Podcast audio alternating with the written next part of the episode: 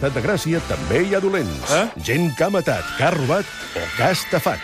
I sí, al nostre estat, com a tots els altres, els dolents ens repugnen, però sovint també ens fascinen. Mm. I ningú els coneix millor que el nostre ministre d'Afers Foscos, l'il·lustre, què dic il·lustre, il·lustríssim Carles Porta. Passar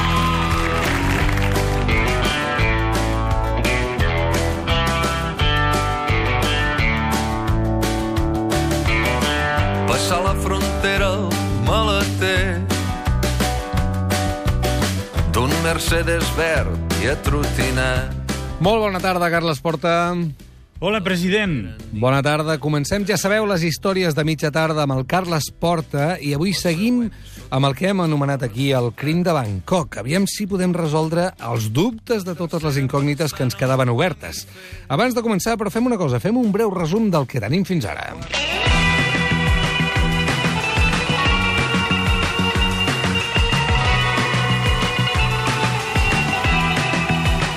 El 30 de gener de 2016 es troba el cos d'una persona esquarterada al riu Chao Phraya. Es tracta de David Bernat, un enginyer informàtic original de l'Albi, a les Garrigues. Després d'uns dies d'incertesa, la policia apunta en la direcció del culpable, Artur Sagarra, un terrassenc pròfug de la justícia espanyola conegut de la víctima que tenia seriosos problemes econòmics.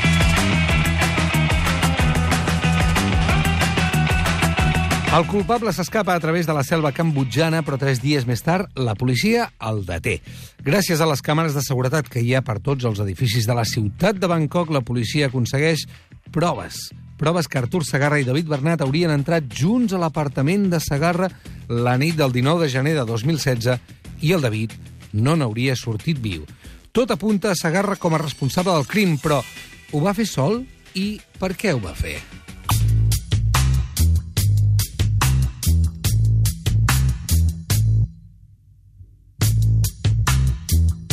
Ara intentarem respondre-ho tot. Si més no, donarem la versió que recull la sentència.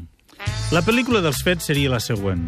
El David, un bon noi de les Garrigues, tenia una mena de doble vida. Treballava molt a l'Iran, es guanyava molt bé la vida cobrant 1.000 o 1.500 euros al dia fent de consultor informàtic, però li agradava la farra i sempre que podia s'escapava a Bangkok, la capital de Tailàndia. A Bangkok, el David vivia en un apartament considerat de luxe i es movia sobretot de nit amb un grup d'amics espanyols. Recordem, perdona, Carles, que la vida a Iran eh, d'oci i de festa en devia trobar poc el David. No? Zero. Zero. Zero. Per tant, se n'anava a Bangkok, on hi havia tota aquesta opció. Exactament. Si no tenia diners, li agradava la farra, doncs se n'anava de farra. Punt. Això és un delicte? No, en absolut. En absolut. Tenia tot el dret del món de fer-ho i ja està. Fins i tot tenia casa allà, eh? Sí, sí, sí, sí, vivia en uns apartaments de luxe i, clar, s'ho podia permetre. El senyor es guanyava molt bé la vida. Mm -hmm. Val, val, val, molt bé. I ell allà tenia un grup d'amigots, els quals ells, fent conya, anomenava els meus amics delinqüents. Entre aquests amics hi havia un altre català, l'Artur Segarra, un paio que portava la Sagrada Família tatuada al coll, però que no era precisament catòlic practicant. No gaire, no. Altres membres d'aquell grup d'espanyols ens han explicat que a Bangkok tothom fanfarronejava dels diners que guanyaven i deien que el David explicava massa sovint que tenia un milió d'euros al compte corrent i que es volia jubilar als 40 anys. Quan va morir en tenia 39. Doncs no, la- sé si, no sé si és cosa per anar explicant els diners que un té, eh? I sobretot amb amics delinqüents. Ja, però què t'has d'imaginar, home? Eh, Aquest, jo estic segur que el, que el David era una bellíssima persona, en aquest sentit, i confiava en los altres. Sí, què sí. t'has d'imaginar? No, no, sí, sí, sí. Escolta, si dos cubates o tres, els que siguin i alguna cosa més, això no és greu. Però què t'has d'imaginar que aquella persona amb la que tu estàs compartint la nit, amb la que estàs compartint... Confidències. Eh, Això mateix, Mm. tristeses i coses d'aquestes, t'acabarà fent això. No, no, no pots confiar de cap manera. Doncs la sentència explica que la nit del 19 de gener del 2016 Artur Segarra va convèncer David Bernat per anar al seu apartament del condominio Rama Nou. Una càmera de seguretat els va veure entrar tots dos i allà dins va ser retingut contra la seva voluntat durant 10 dies, fins que el seu cos va començar a aparèixer a bocins al riu Chao Phraya.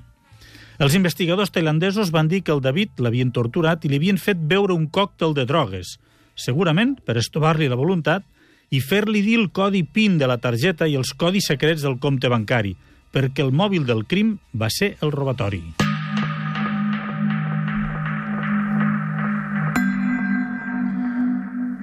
Una de les primeres pistes de la policia va ser que fent el seguiment de la targeta de crèdit del David van localitzar imatges de l'Artur Segarra traient diners, o intentant-ho, en caixers automàtics utilitzant la targeta del difunt. Però més evident que això va ser que es va descobrir que entre els dies 25 de gener i 3 de febrer del 2016, des del compte corrent de David Bernat es van fer diverses transferències en petites quantitats al compte corrent de l'Artur Segarra. Aquestes primeres transferències, petites, sumaven una mica més d'11.000 euros, procedents directament del compte que tenia el David Bernat al Citibank. Per tant, intuïm, pel que estàs explicant, que sí, va aconseguir eh, no sé quines maneres, o el PIN, o el número de compte, vaja, la manera de, de transferir aquests diners. Exactament. Sí, segurament online, ara ho explicarem una miqueta millor. Sí, sí, és així. Aquests moviments bancaris que es podien fer per internet i que només necessitaven els codis d'autorització que només sabia el David. Exacte. Segarra va rebre les transferències entre el 25 de gener i el 3 de febrer. L'autòpsia situa la mort el dia 26.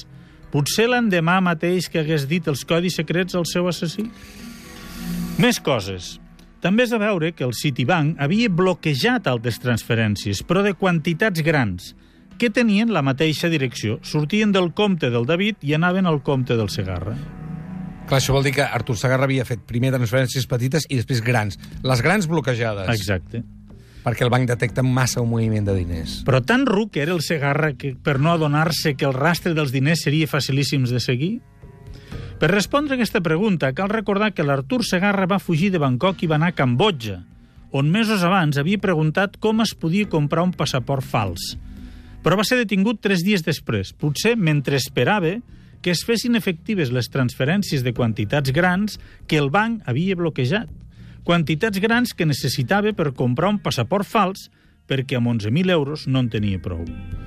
El banc devia haver frenat les transferències grans perquè segurament trucaven al David Bernat per confirmar els tràmits, però el pobre David ja no podia respondre. El modus operandi podia ser el següent. Primer, petites transferències per comprovar si els codis són correctes. D'acord. Després, quantitats més grans, però quan t'adones que et demanen dades clau, secretes, o que signis físicament peticions de transferència anant a una sucursal... Que és el més normal del món, també t'ho diré. exacte.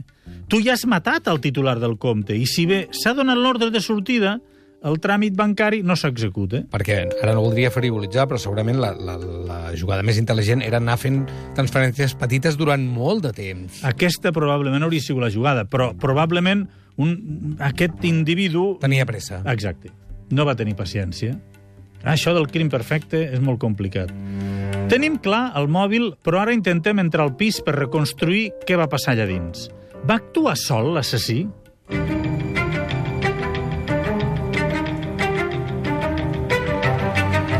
Aviam, recordem dates, va, fem una mica de repassada. El David entra al pis el 19 a la nit. Sí. Està viu i apareix al riu al 30. La nòvia d'Artur Segarra, una noia tailandesa de nom Pritsana, va declarar a la policia que ella havia estat en aquell pis el dia 23, però en cap moment consta que ella hagués vist el David ni viu ni mort. Tampoc no va dir que hagués vist rastre de sang ni violència de cap mena. Perquè això és molt estrany, també t'ho diré. Moltíssim. Perquè Moltíssim. el pis tampoc devia ser tan gran com perquè no veies res. Ara ho veurem. Ah. La policia, que al principi va parlar d'un grup de gent, tampoc no va trobar res inicialment al pis de Segarra. Però un cop detingut Segarra, va fer saber a tothom que finalment havia trobat restes de sang del difunt. ah. Ens ho va explicar el periodista Luis Garrido, Luis Garrido Julve, que viu a Bangkok. Coneixia els dos protagonistes i va seguir molt de prop el cas. Escolteu bé què diu Garrido de com va trobar la sang la policia tailandesa. El piso está tan limpio, tan limpio, tan limpio que dicen que han tenido que, eh, que, que para encontrar un resto de ADN tuvieron que eh, destrozar el lavabo, buscar en las tuberías, abrieron la tubería y se encontraron un pequeñito rastro de sangre que pertenecía a David Bernat.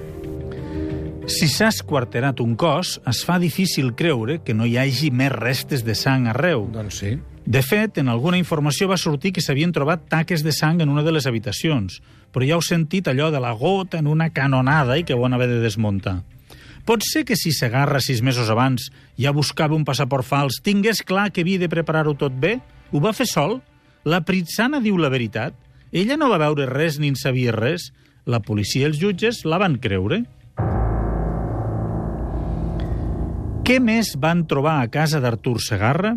Doncs es veu que hi van trobar una mena de manual que explicava com esquarterar un cos. No, de veritat? A mi se'm fa difícil creure que existeixi un manual tan específic, però ja sabeu que la xarxa s'hi troba de tot.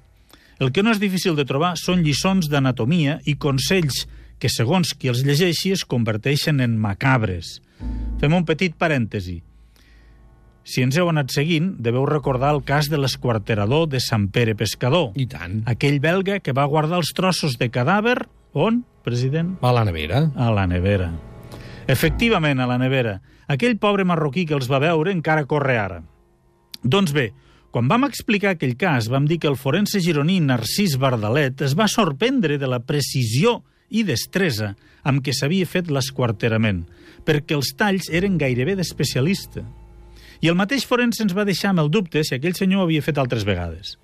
En el cas del crim de Bangkok, deu dies després d'haver aparegut el cos, la policia tailandesa oferia una recompensa de 5.000 bats, 130 euros, però mm. aquesta quantitat allà deu ser important, a qui donés pistes sobre una capsa de sabates on suposadament hi havia els ganivets que s'haurien fet servir per tallar el cos. Mm.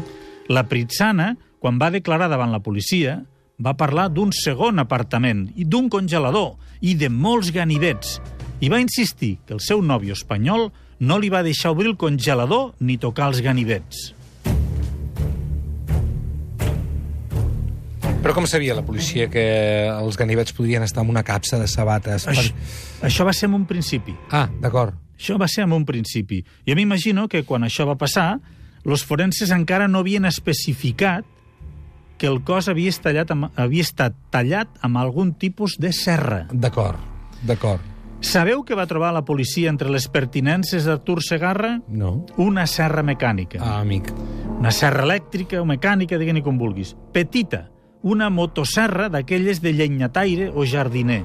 Uh -huh. No han pogut comprovar en quin ordre es va produir els fets, si primer van trobar la serra o si els forenses van dir que el cos s'havia tallat amb una serra, però va anar per aquí. Un altre detall és que, segons la policia, la víctima la van assassinar per asfíxia, posant-li una bossa al cap, lligada amb cinta aïllant al coll.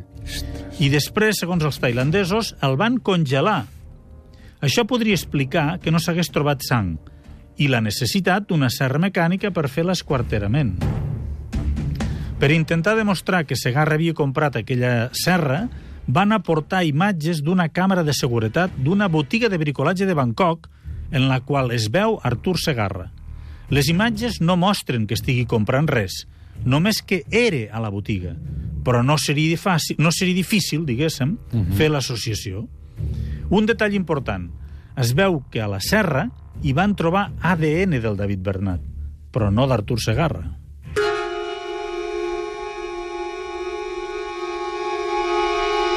El judici va començar l'11 de juliol del 2016. Avui ha començat el judici contra el presumpte assassí del consultor lleidatà David Bernat a Tailàndia. L'acusat Artur Sagarra, que s'enfronta a una possible condemna de pena de mort, s'ha declarat innocent dels 13 delictes que se l'imputen.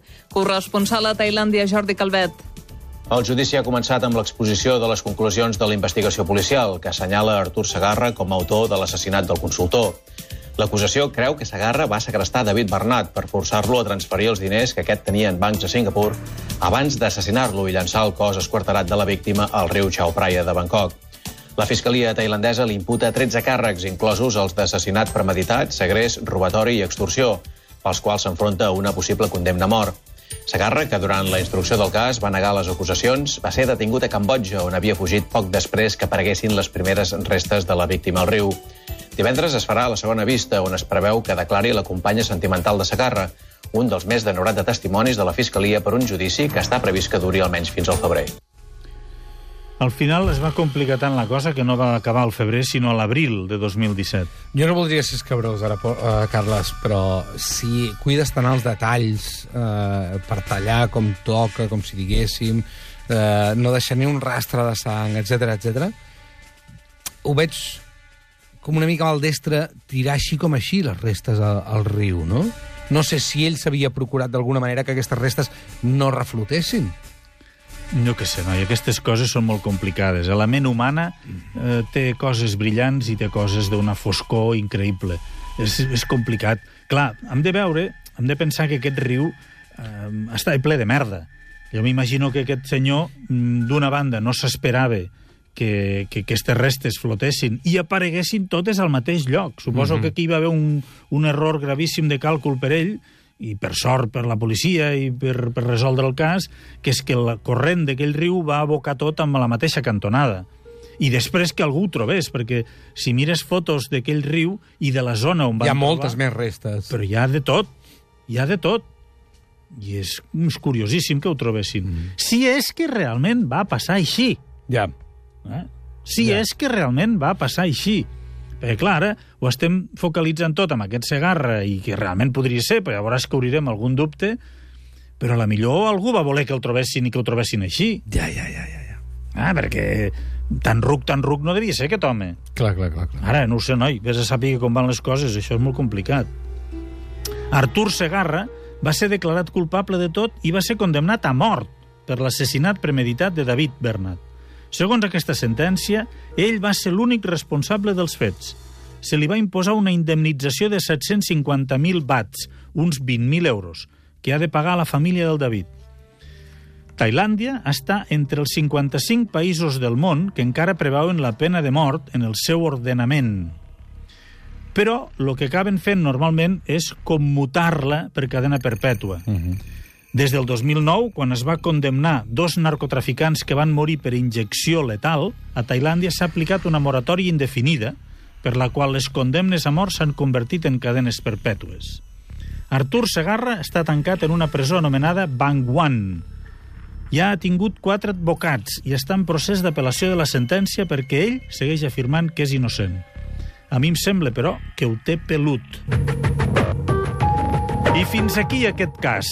La setmana que ve o l'altra, un dia d'aquests, n'estrenarem un de nou.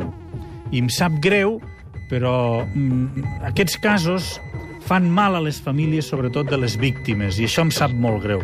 Nosaltres intentem explicar les històries i és veritat que això produeix uns danys col·laterals a gent que no en té cap culpa i em sap greu. Des d'aquí m'agradaria enviar-los un petó de carinyo i de condol i demanar unes disculpes que, clar, són complicades, perquè Sí. nosaltres expliquem històries de les que no en som causants i al final què vols fer? No? Però que sàpiguin la família del David Bernat que no els emprenyarem més.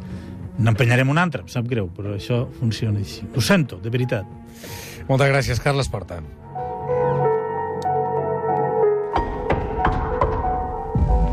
A Catalunya Ràdio, Estat de Gràcia, amb Roger de Gràcia.